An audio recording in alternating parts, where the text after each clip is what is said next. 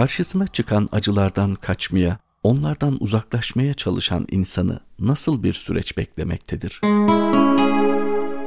İnsan nefsi şimdi bir sızı çekmemek uğruna gelecekte çok büyük acılar çekmeyi göze alır. Şimdi bunu çekmeyeyim de gelecekte ne oluyorsa olsun diye düşünür. Böylece bir kederi binlerce kedere gözünü kırpmadan yeğler. İnsan sırada bekleyen musibeti çekmeme pahasına gelecekte başına büyük belalar açmayı marifet sayar. Acıları erteler insan, o yüzden durmadan büyür acıları. Yanlışları şimdi yapmak, günahları şimdi işlemek, hazlara şimdi dalmak ama bedellerini hiç gelmeyecek olan uzak bir geleceğe bırakmak ister insan. Problemlerden kaçar ve onlarla yüzleşmek istemez. Yeter ki şu anda şimdi tadım kaçmasın, gelecekte ne oluyorsa olsun düşüncesindedir insan. Ancak bu düşünce daima tadının daha büyük kaçmasıyla sonuçlanır. Kayıplar, acılar, hüzünler olacaksa bugün olsun, gelecekte olmasın demeyi öğrenmelidir insan. Gerekirse bugününü karartmalı ama geleceğini karartmamalıdır. Sıkıntıları zamanında yaşamalı, kendiyle vaktinde yüzleşmeli,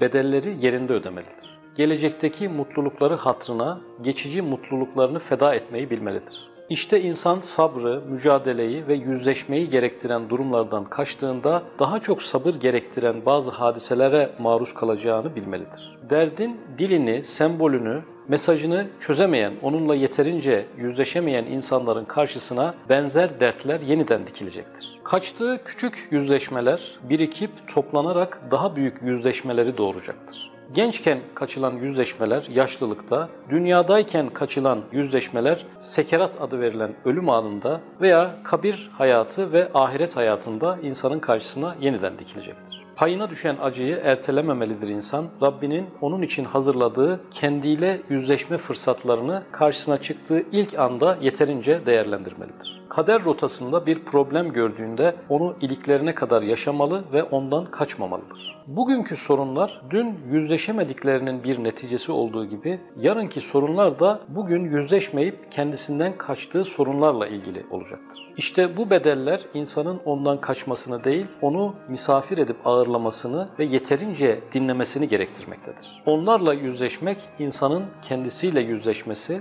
onları anlamak insanın kendisini anlaması demektir. you